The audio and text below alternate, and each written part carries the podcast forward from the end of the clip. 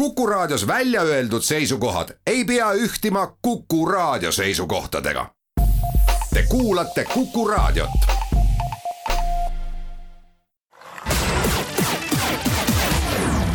nädala Tegija. ja tere nüüd ka Nädala Tegija stuudiost jaanipäev möödus meil üsna rõõmsalt ja õnnelikult. suuremaid liiklusõnnetusi ei olnud ja ka päästeamet andis teada, et valdavalt kutsuti neid appi just nimelt naabrite lõkete puhul, mille puhul siis tekkis kahtlus, et äkki see läheb käest ära. siiski jaanipäevale eelnev nädalavahetus oli liikluses päris hull. et sellest kõigest rääkida, olen täna palunud Nädala Tegija stuudiosse põhjaprefekt Kristjan Jaani, tere tulemast Kukusse. tervist, tervist.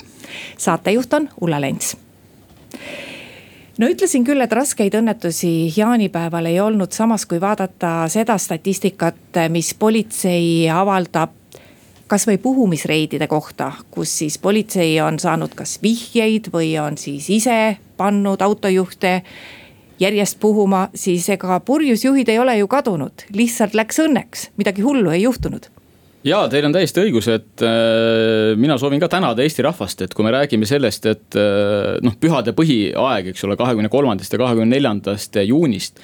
siis äh, politsei vaates ka tegelikult pigem ta siis möödus rahulikumalt, kui me vaatame seda Äh, mis toimus võib-olla eelnevatel aastatel. aga loomulikult äh, politsei vaatest me peame vaatama pisut pikemat perioodi kui ainult seda kahekümne kolmandat ja kahekümne neljandat äh, kuupäeva. et meie jaoks tegelikult see pühade periood hakkas üheksateistkümnendast juunist, arvestades sellega, et paljud inimesed võib-olla võtavad vabad päevad, sõidavad juba eelneval nädalavahetusel ära näiteks. ja kui me vaatame täna meie väljakutsete arvu, siis ma väidan, et politsei vaates kõige suurem jaanipühade tähistamine oli tegelikult kahekümnendal juunil. et äh, me saime väljakutseid pea nelisada viiskümmend äh, võrdluseks järgnevatel päevadel, jaanipühadel poole võrra vähem väljakutseid. nii et tundub, et sihukene pidutsemine ja ka meile suurem tööpõld pigem siis kahekümnendal kuupäeval. ja paraku see oli ka see kuupäev, mis oli meil liikluses äh, Tallinnas, Harjumaal väga traagiline. no seesama etteteavitamine et politsei on väljas jaanipühade ajal kõrgendatud äh, tähelepanu ja suuremate jõududega, no see ilmselt ikka paneb ka neid, vähemalt neid, kes mõtlevad.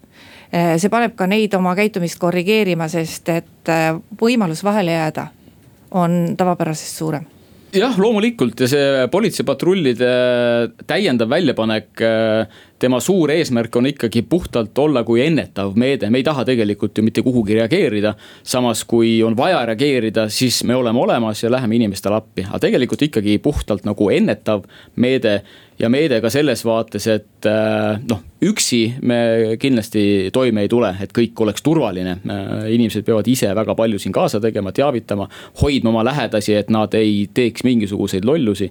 meil oli tõepoolest siin pühade perioodil tippaegadel pea kaks korda rohkem äh, väljas patrulle, kui selline tavapärane väljapanek võib-olla võiks eeldada ja veel kord, loomulikult ootus on sellele, et inimesed eelkõige ise oleksid väga mõistlikud ja veel kord väga suur osa inimestest, eestimaalasest ongi väga mõistlikud, üks pisikene väike osa ei suuda seda olla. seda paraku näitas ka võib-olla see laupäevane pilt äh, liikluses. Äh, ja ennetavas vaates, kui me võtame ka seda, et äh, me kontrollisime üle neljakümne tuhande autojuhi kainust ja patustanud oli nendest natukene üle kahesaja, siis loomulikult liiga palju samas vähem, kui seda oli eelnevatel aastatel.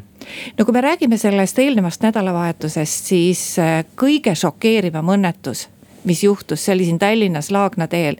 no see ei ole midagi sellist tavapärast ega rutiinset juba seetõttu, et äh, esiteks linnatiik tingimustes liikluses, kui inimene just auto alla ei jää, siis autos sees väga harva ju saadakse surma, sest äh, linnakiirused tavaliselt on üsna väikesed ja sellistel tingimustel ikkagi need, kes on autos, et oht neile on väiksem kui maanteel. No see oli eriline juhtum üsna mitmes mõttes, sellepärast et äh, kõigepealt lubadeta juht, noh ikka juhtub, aga kihutada linnas kahesaja kilomeetrise tunnikiirusega, no eriti ei ole ju väga palju võimalustki, pole sellist kohtigi. et see on ka politseile üsna ebatavaline juhtum. jah, siin on väga raske nagu äh, sõnu üldse leida mm jah, eriline juhtum, samas ei ole väga palju möödas Saaremaa juhtumist. aga loomulikult jätkuvalt eriline juhtum hulk inimesi saab surma ühe liiklusõnnetusega. üks inimene, kes ei ole üldsegi kuidagi seotud mootorsõidukiga, vaid tegelikult on bussipeatuses ja, ja ootab seal bussi selline inimene, kes sellised otsused teeb, siis seda on raske nagu sõnadesse panna, et noh, kes teeb otsuse. otsuse teeb ikkagi ju see inimene, kes on, äh, istub seal istme peal ja hoiab käes seda rooli ja vajutab gaasipedaali, et see auto ei sõida ise. Äh, ja see näitab ikkagi seda, et noh, sellel inimesel puudub igasugune lugupidamine ühiskonnas kokku lepitud normide osas. inimene oli kaine esialgsete ekspertiiside vaates, seda nii narkojoobe vaates kui alkoholijoobe vaates. me oleme küll teinud nüüd ka täiendavad ekspertiisid, ehk siis veel kord lasta ka läbi kohtuekspertiisi instituudi hinnata seda, aga tänase seisuga kaine täie mõistuse juures olev inimene teeb sellised otsused. väga raske on leida siia mingisugust mõistlikku selgitust. no teie ju äh, politseinikuna teate, et äh, üks osa inimestest on nagunii ühiskonnas sellised, see on üks väike osa aga üks osa on sellised, kes ühiskonnas kehtestatud normidele ja reeglitele nagunii ei allu. et äh, kui tavaliselt räägitakse noh, kasvõi jaanipäeva kontekstis, et ärge sõitke purjus peaga, siis enamus inimesi nagunii ei sõida. noh, mis neil võib juhtuda, on see, et neil on jääknahud, sellel puhul öeldakse, muretsege endale alkomeeter. et nende inimeste arv, kes äh, sõidavadki põhimõtteliselt purjus peaga, neil on ükskõik, see on üldiselt ühiskonnas väga väike, aga kas nende mõjutamiseks on mingeid nippe peale karistuste veel? kindlasti on nippe ja mitte kunagi ei tohi nagu loobuda proovimast ennetada ja, ja teha kõike, et neid inimesi ei oleks, kes läheksid purjus peaga. tegelikult see number ei olegi nii väga väike Äh, erinevad uuringud on äh, välja toonud, et äh, ka Eestimaa liikluses igal ajahetkel, iga ajahetkel praegu sõidab ringi kuskil kolm tuhat juhti, kes on tarvitanud alkoholi. igal ajahetkel kogu aeg, kakskümmend neli seitse. ja see number ei olegi nii väike. osadele inimestele piisab kodusest kasvatusest, tervest mõistusest ja ta mitte kunagi ei riku ja ta saab väga hästi aru, millised ühiskonnanormid kehtivad, äh, millised on seadused. seadused seaduseks, et äh, normaalsel inimesel ta ei peagi ju teadma, et see on ühiskonnanormid, eks ole, et ta, ta, ta teab, kuidas on see õige käitumine osadel on vaja ühte rikkumist, ühte karistust, ühte sekkumist, ühte hoiatust ja see inimene mitte kunagi enam ei riku. osadel inimestel on vaja võib-olla kümmet laipa ja siis ta alles hakkab mõtlema ja võib-olla siis ta mitte kunagi enam midagi ei tee. ja tal ei ole võib-olla ka võimalust teha, sest ta ei saagi enam vanglast välja, näiteks. nii et erinevad asjad mõjuvad erinevatele inimestele Äh, oluline on see, et iga rikkumise juures me mitte ainult ei menetle seda tegu, vaid vaatame kogu seda juhtumit ja üritame leida alati ka need tehiolud mida nii selle konkreetse näite puhul peaks nii-öelda keskkonna vaates muutma, inimese vaates muutma, programmid, rehabilitatsiooniprogrammid, kõik sellised asjad. et äh, alati vaadata ka seda, et kuidas seda inimest saab aidata, olgu ta siis ohver, olgu ta, ma ei tea, lähisuhtevägivallas ka vägivallatseja või liikluses rikkuja, nii et see lahenduse vaade on väga lai ja kindlasti ainult mitte see, et menetleme ära mingisuguse süüteo, ei, lahendame nagu kogu vaadet. me teeme siinkohal oma jutuajamisse väikese pausi ja läheme hetke pärast edasi. Nädala Tegija nädala Tegija saade läheb edasi, stuudios on Põhja prefekt Kristjan Jaani. ja kui meie jutt jäi pooleli selle Laagnade õnnetuse juures, kus äh, oma osa mängis äh, inimese ülbus ja ühiskondlikud käitumisreeglid, mis äh, temale ei kehtinud.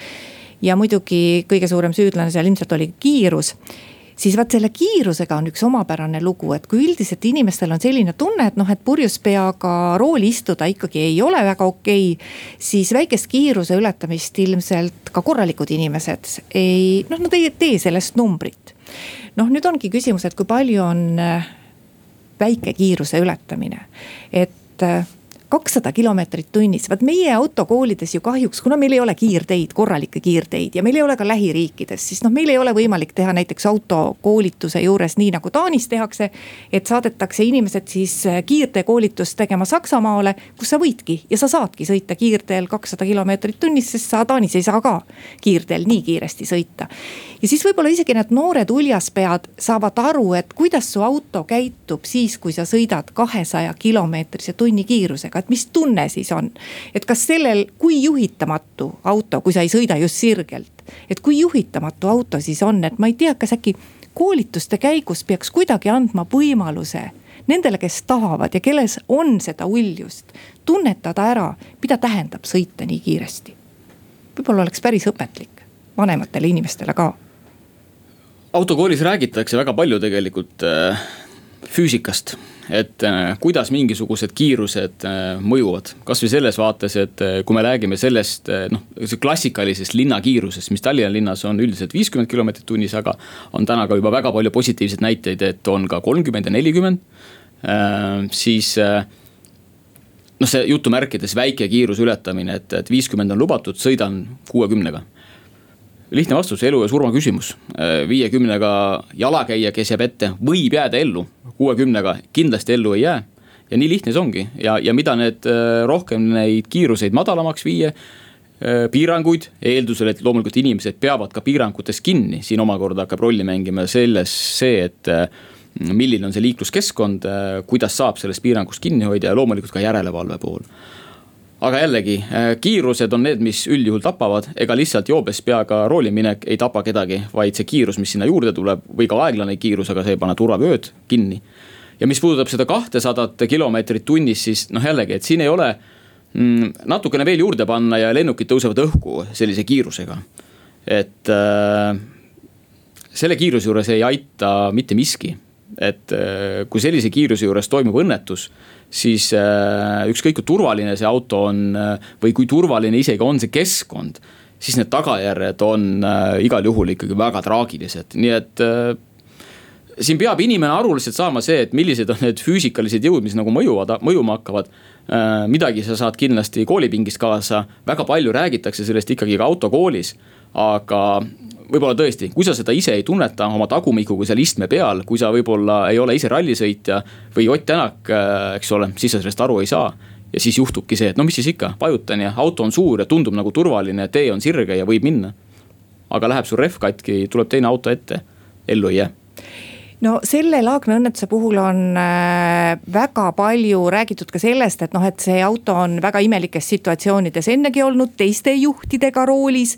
ja ma saan aru, et inimesed on, äh, praegu on ju väga paljudel autodel ka pardakaamerad, ehk siis, et see, mis ümberkaudses liikluses teada on, et seda, seda on näha, et palju inimesed ennetavalt seda jagavad politseiga ja palju nüüd pärast tuli, kui see õnnetus juhtunud oli jah, see jälle natuke seda analoogiat siis selle Saaremaa äh, väga karmi tagajärje õnnetusega, kus tagantjärele justkui kõik teadsid ja kõik oli teada, et sõidab ja on ohtlik ja nii edasi.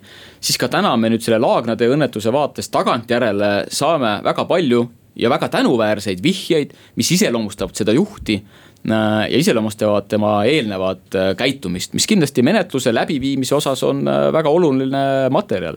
näiteks meil on saadetud video, kus seesama auto tagaistmelt, tõenäoliselt seesama inimene paugutab relvataolise esemega näiteks ja ka sellest autost me leidsime ju tegelikult äh,, ekspertiis nüüd teeb täpselt selgeks, millega täpsemalt seal tegemist on. aga me leidsime sealt äh, õhkpüstolit äh,, stardipüstolit tõenäoliselt.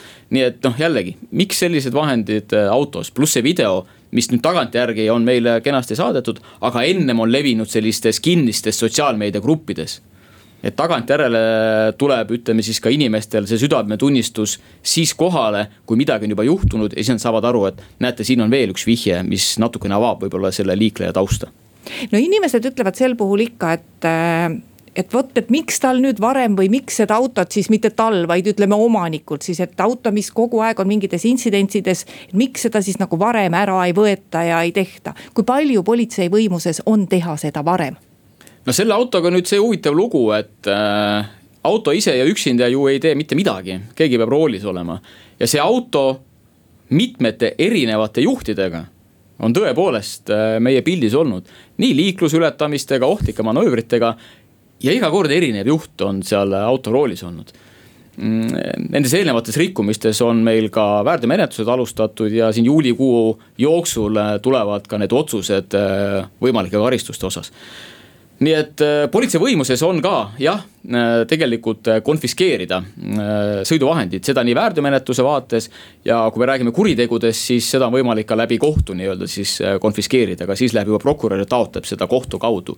ja eelnevatel aastatel seda praktikat on päris palju kasutatud, küll üldjuhul joobes juhtide osas ja sellistelt inimestelt tõesti päris palju neid autosid ka konfiskeeritakse palju teil on üldse mahti, vaat tegeleda selliste asjadega, mille puhul inimesed annavad teile vihjeid aga noh, te peate jälgima, et ei saa midagi teha, no me ju teame, et ega mitte ühelgi ametil ei ole ressurssi liiga palju, pigem on seda alati liiga vähe.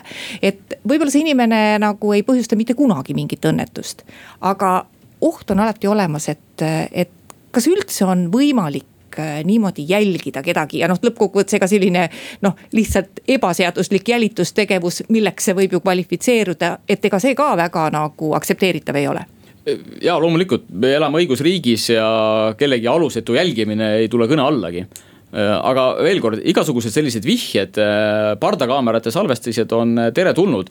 ja vähim, mida me saame teha, on kontakti võtta inimesega ja teavitada, et teid on märgatud selline rikkumine.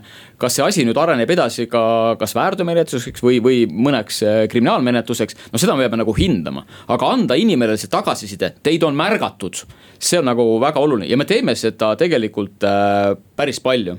kui me sellise vihje või sellise video enda valdusesse saame nii et äh, veel kord ja noh, oluline muidugi ka politsei enda vaates olla nagu sotsiaalmeedias kohal ja leida ka ise selliseid äh, jutuajamisi. leida selliseid vihjeid kuskilt, nii et see on ka hästi oluline, et äh, me ise oleksime äärmiselt võimelised olema kohal sotsiaalmeedias kas teid ka miski veel üllatab, et seekord oli ka selliseid üllatavaid asju, mis ju lõppesid hästi, no kasvõi seesama tüüp, kes sõitis autoga ja siis roni, jättis auto sõitma ja ronis ise tagaistmele et kas teid veel ka midagi üllatab? või siis äh, Lõuna-Eestist näide, kus ühes kaubikus oli pea kolmkümmend inimest äh,, kaubikus siis äh,.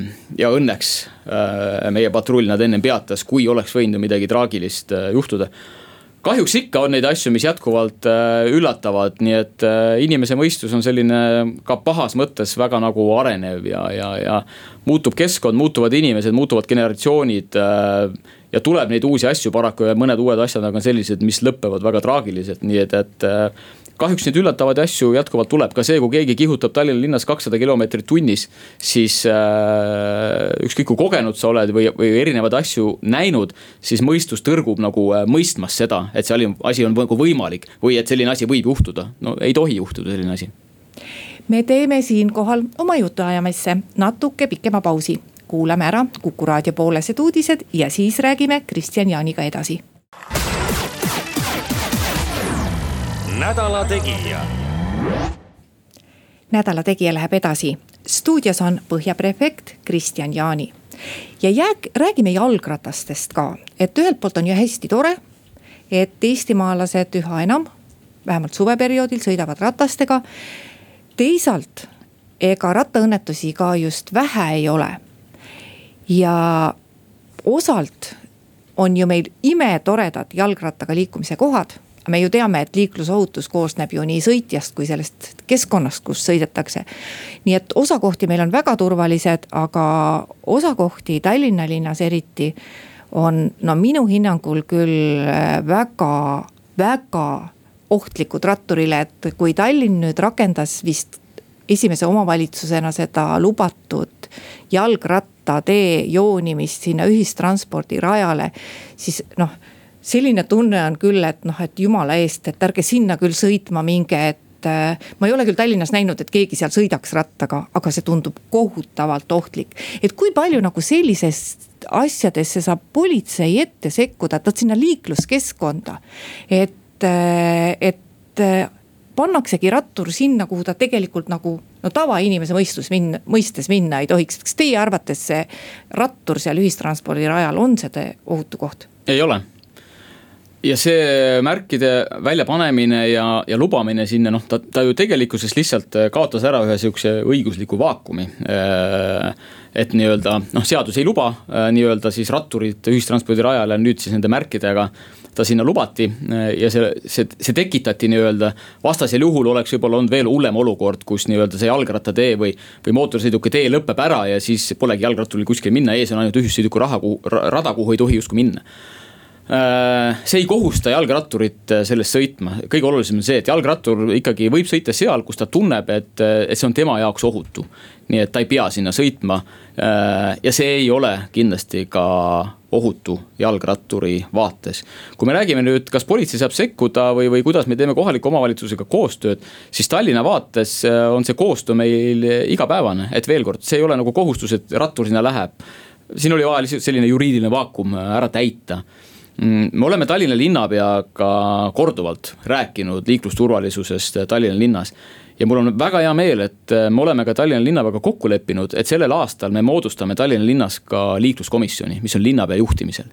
ja see ongi nüüd selline organ, kus võib võib-olla natuke tõmmata paralleele, et meil on olemas ka üleriiklik selline liikluskomisjon ja teha ta nii-öelda Tallinnasse, Eesti suurimasse äh, kohalikku omavalitsusse.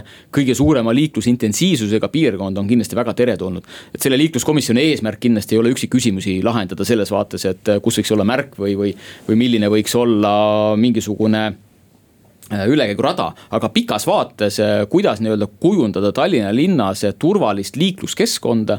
siis äh, see on kindlasti üks väga hea meede ja koostöövorm, seal ei ole ainult politsei ja Tallinna linn. me oleme kaasanud sinna maanteeameti, sinna on kaasanud, kaasatud näiteks Tallinna Tehnikaülikooli teadlased, nii et mul on väga suur usk ja lootus, et läbi sellise komisjoni seda keskkonda parandada aga mis puudutab jalgrattureid eh, tervikuna, siis eh, tõepoolest, et sellel aastal jalgratturid meil on eh, noh, selles mõttes ju hea, et on väga pildis, sest jalgrattureid on tõesti väga palju rohkem.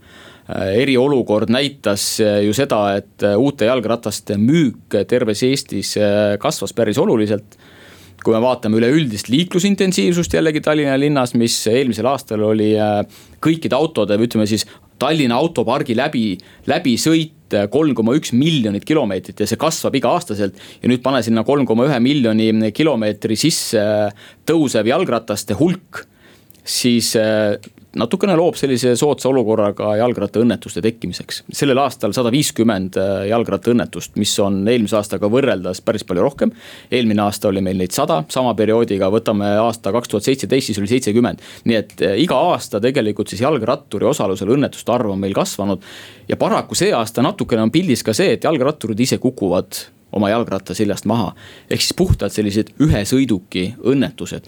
üldiselt me oleme ju harjunud, et liiklusõnnetus on selline mitmepoolne et äh, saab kokku siis kas auto ja jalgrattur või jalgrattur ja jalakäija või kaks jalgurit, jalgratturit omavahel. aga sellel aastal tõepoolest jalgratturid ise ka kukuvad natukene rohkem kui tavaliselt. Äh, ja siin natukene võib nüüd kindlasti rolli mängida ka see, et eriolukord lõi olukorra, kus inimesed varasemalt äh, võib-olla vabas looduses nii palju ei liikunud nüüd nad selle endale avastasid, sest mitte midagi muud ka teha ei olnud, soetati palju uusi jalgrattaid. aga väga hästi ei teadvustatud seda, kas ma üldse olen võimeline ja mäletan jalgrattaga sõitmist nii hästi, kui ma iseendale seda ette kujutan. nii et äh, tõepoolest aga veel kord, see, et kergliiklejaid rohkem on, jalgrattureid rohkem on, see on positiivne kogu see keskkond peab ka kaasa tulema, et jalgrattateed, kergliiklusteed ja siin on väga palju positiivseid näiteid, kui me vaatame Harjumaad, äh, vaatame Tallinnaga külgnevaid omavalitsusi, siis see jalgrattateede võrgustik areneb väga jõudsalt. Tallinn on kindlasti siin äh, paras väljakutse, sest äh, Tallinnas ei ole lihtsalt ruumi kiiresti teha selliseid jalgrattateid, aga pikas vaates need kindlasti peavad siia tekkima, see on kindlasti üks liikleja, kes täna ei mahu ära Tallinna linnasse, aga ta peab kindlasti siia tulevikus ära mahtuma ja turvaliselt ära mahtuma no ma olen kuulnud ka sellist arvamust, et paljudes riikides tahetaksegi, et jalgrattur oleks sõiduteel, sest see rahustab liiklust. no oma seisukohast ise autojuhina, kui rattatee on joonitud sinna sõidutee äärde mina ausalt öelda ratturist mööda ei sõida, kui ma ei saa natuke kõrvalrajale tõmmata. ja kui ma ei saa seda teha, siis ma sõidangi rahulikult eh, tema taga ja noh, kui autojuhid üldiselt nagu niimoodi käituvad, siis tõesti rahustab. aga kui nüüd auto nagu igal juhul sellest väga kitsast rattateest mööda rattateel olevast ratturist mööda läheb, siis rattur tegelikult võib ka kukkuda ja muidugi ja, ja veel kord noh, liiklus on alati selline noh, mitmepoolne leping, et äh, autojuht, liikleja, jalakäija, bussijuht ja nii edasi, nii edasi, nii edasi, eks ole, et nad kõik peavad kuidagi ära mahtuma tänases olukorras sellisesse keskkonda, kus nad on kõik suht-koht äh, kokku surutud. aga veel kord, et äh, mitte keegi ei saa sundida jalgratturit äh, sõitma sõiduteel, et siin on ka erinevad kohtulahendid olemas. kus öeldakse, et jalgrattur ise otsustab, kus on ohutu ja seal ta sõidab. loomulikult ta peab arvestama sellega, et kui ta läheb kõnniteele, siis ta peab seal liiklema äh, jalakäijate reeglitest lähtuvalt, sama kiirusega ei tohi ohustada neid ja nii edasi äh, ja samas muidugi ikkagi erinevate riikide nagu praktikad ja, ja ka uuringud näitavad seda, et noh, kõige turvalisem on ikkagi see, kui erinevad liiklejad, erinevas kaalukategoorias liiklejad on teineteisest ikkagi täiesti eraldatud, nad ei puutugi kokku. super näide on ju tegelikult Reidi tee täna, et küll väike jupp aga Reidi tee, kus on eraldatud äh, jooksjad, jalakäijad, ratturid, ratturitele kaks erinevat suunda tõesti joonega piiritletud et see on see minu vaates praktiliselt ideaalne olukord, mis võiks olla noh, igal pool tegelikult, kus meil jalgratturid on. nojah, vaat praegu ongi niimoodi, et ühelt poolt neid rattureid, aga tegelikult ka elektritransport, kõik elektrirattad, elektritõukerattad. see kõik areneb niivõrd kiiresti, et sellega ei jõua sammu pidada ei teed ega tegelikult ka seadusandlus, et kui palju muret tekitab see, et see elektritransport, vot selline kerge elektritransport on täna ju ikkagi täitsa reguleerimata seadusandluse vaates ja täna on, aga kohe-kohe siis, kui regu-, siiski reguleeritav, täna ta on tõepoolest meil justkui nagu jalakäija või jalakäija abivahend ja, ja tõepoolest nagu tuua välja statistikat elektri äh, vaates on keeruline, sest noh, lihtsalt kasvõi see näide, et kui jalgrattur kukub, äh, saab viga, siis on see liiklusõnnetus liiklusseaduse mõttes. kui see elektritõukerattaga inimene kukub, siis ta ongi nagu õnnetus, läheb arsti juurde, ta meie statistikasse kuskile ei tule ja me tegelikult päris täpselt ei tea, kui palju need elektritõukerattad õnnetusse satuvad. juhul, kui ta ei satu õnnetuste nagu äh, mootorsõidukiga või, või, või ma ei tea, jalakäijale ei, ei sõida kuskile otsa aga veel kord jah, et, et see on ju tegelikult äh, mitte enam tulevik, vaid see on olevik ja seadusloome, õigusloome peab sellega kaasas käima. Äh, see, et temast nüüd on saamas meil, mida on nii-öelda reguleeritav varsti ja väga konkreetsete piirangutega ka, et kui kiiresti ta tohib sõita, kui võimas ta tohib olla, kus ta võib liigelda. see on nagu väga positiivne, aga, aga jah, eks ta natukene nagu päriselust jäi siis maha nii-öelda aga kindlasti tohiks ka seda teha, et, et ennem kui ei ole nagu õigusloomet või seadust, et, et hakkame kohe takistama või piirama, et, et sellist innovatsiooni ja, ja, ja. ja nagu moodsat maailma ei tohiks kuidagi nagu jällegi piirata, aga, aga, aga võimalikult kiiresti peaks kaasas käima ka kogu see õigusloome protsess. me teeme oma jutuajamisse ühe pausi veel ja läheme kohe edasi. nädala Tegija nädala Tegija läheb edasi, stuudios on Põhja prefekt Kristjan Jaani, me oleme nüüd pea kogu saate rääkinud liiklusest, aga liiklus tekitabki hästi palju emotsioone ja annab ka palju jututeemat. kui rääkida üldse kuritegevusest, siis noh, äh, liikluskuritegevus kui selline ei ole ju kuritegevuses kogu üldstatistikas ei oma mitte kõige suuremat osa. et äh, teised kuriteoliigid annavad märksa suurema osakaalu kui seda üldpilti vaadata, kas see koroonaaeg ja see, et noh, et meil näiteks suveperioodil siin on ka palju vähem turiste, ehk siis äh, linnaelu ei ole ka nii hoogne. kas see on teinud natuke politsei töö ka kergemaks, et kas see väljendub teie igapäevases töös ja kas see väljendub ka statistikas? Ta väljendub äh, statistikas lühikeses perioodis, pikas vaates äh, pigem mitte. ja kui me räägime kuritegudest ja korraks veel liikluskuritegudest, siis tõepoolest see osakaal on väike, noh kuskil kolmteist protsenti. et kui meil aastas pannakse, eelmine aasta pandi toime näiteks seal ligi kolmkümmend tuhat kuritegu.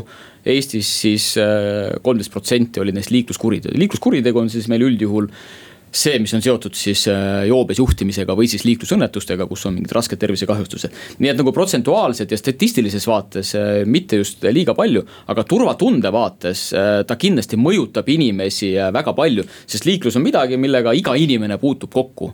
nii et turvatunde vaates on nagu äärmiselt oluline, et me väga palju tähelepanu liikluskeskkonnale, turvatundele selles vaates pöörame kui me vaatame nüüd kuritegevuse statistikat, siis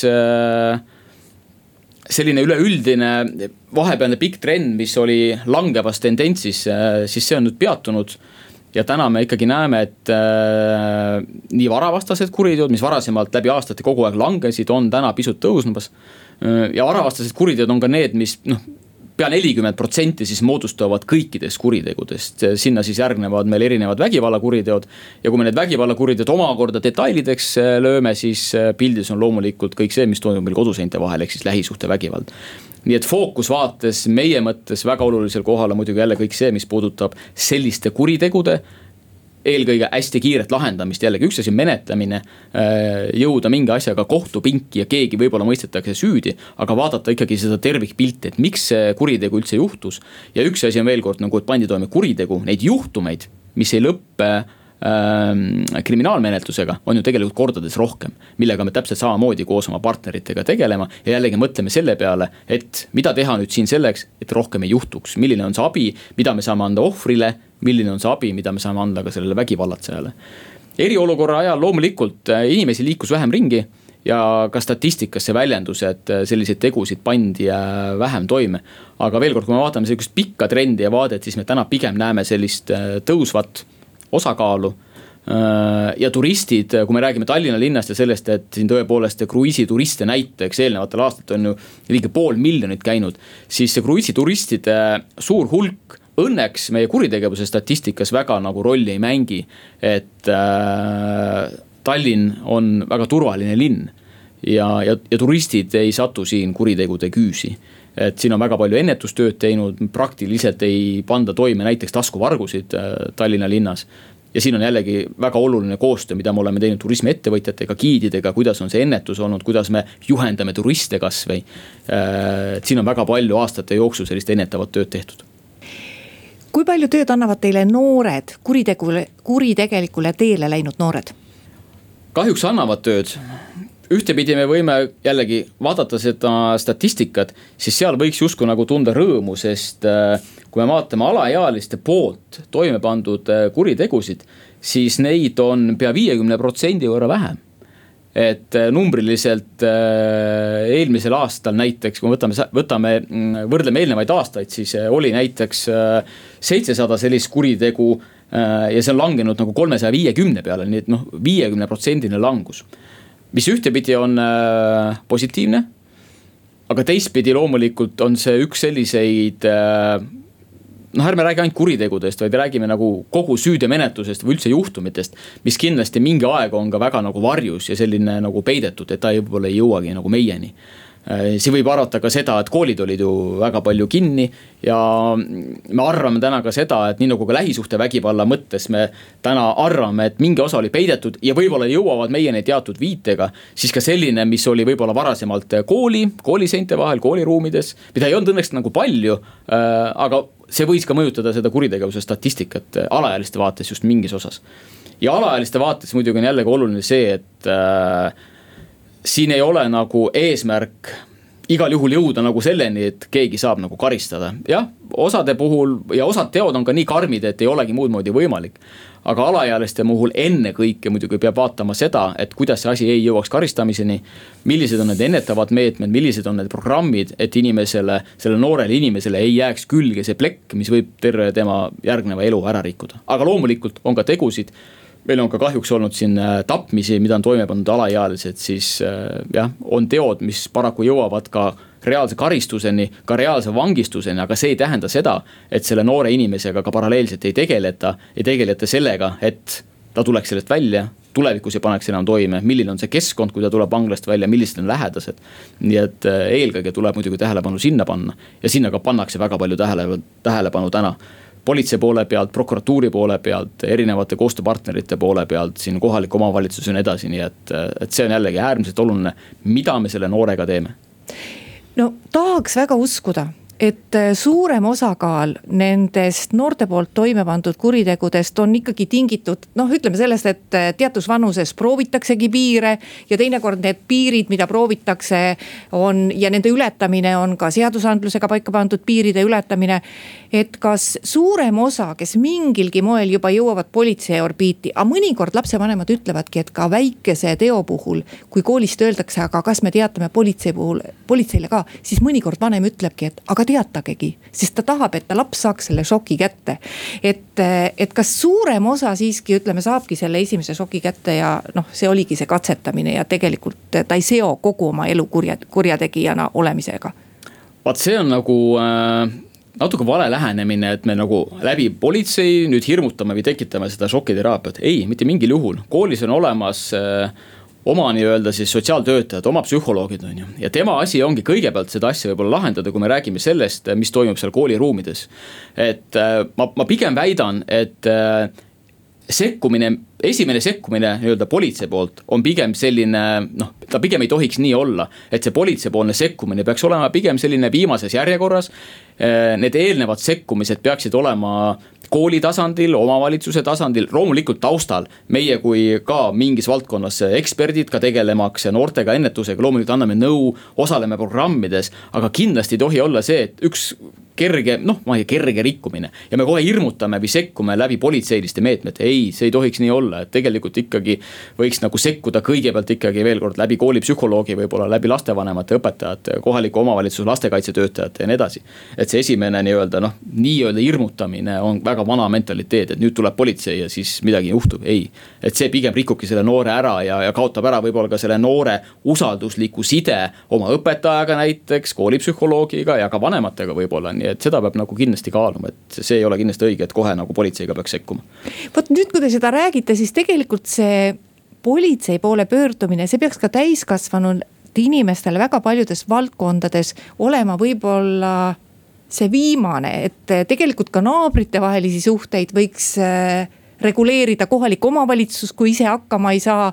ja, ja noh, ma saan aru, et kõigil omavalitsustel ei ole sellist kohaliku omavalitsuse korrakaitseüksust, nagu meil siin mupo on. aga Tallinnas on ta olemas, et siis võib-olla ikkagi selliseid muid asju võiks enne politseid reguleerida ka see, kas omavalitsus või tema vastav spetsiaalne korrakaitseüksus jaa, nõus, kuigi Tallinna vaates ka mupo ikkagi siia võiks nagu võrdusmärgi panna, et, et esimene pöördumine mupo poole on ka juba noh politsei poole pöördumine tegelikult on ju. aga kui me räägime näiteks sellisest naabritevahelisest tülitsemisest, siis äh, väga suur roll on siin näiteks ka korteriühistutel. ja korteriühistu saab ka tegelikult reguleerida selliseid olukordi, võtta kokku, arutada seda üldkoosolekul, äh, leppida kokku, millised on reeglid äh, kuni selleni välja, need on küll väga äärmuslikud näited, aga meie kohtupraktikas ju ka olemas, kus, kui mõni naaber ei hakkagi läbi saama oma teiste naabritega, siis kuni selleni, et korter sundvõõrandatakse, eks ole, et ka selliseid näiteid on ju Eestis tegelikult olemas. aga tõepoolest, et iga tüli lahendamise esimene meede ei saa olla see, eh, et kaasatakse politsei. vägivald, hoopis teine lugu. Eh, loomulikult politsei tuleb ja kui on kiiresti abi vaja, kohe kõne üks, üks kahele ja politsei reageerib ja on väga resoluutne. aga nii-öelda selliste omavaheliste arusaamatuste lahendamine esmase meetmena läbi politsei väljakutsumise ei ole kindlasti õige. tuleks kasutada kindlasti, nagu ma ütlesin siin naabrite puhul, olgu ta korteriühistu sekkumine äh,. omavalitsuste vaates võib-olla tõesti see läbi sotsiaaltöötajate võib-olla ja nii edasi. ja taustal on alati ka politsei olemas, sest tänased võrgustikud erinevad koostöövõrgustikud, olla partneriks korteriühistutele, igapäevane partner nagunii kohalikule omavalitsusele, et, et me oleme alati olemas.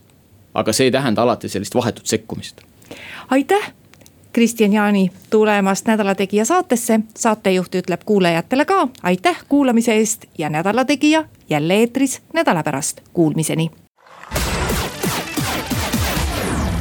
nädala Tegija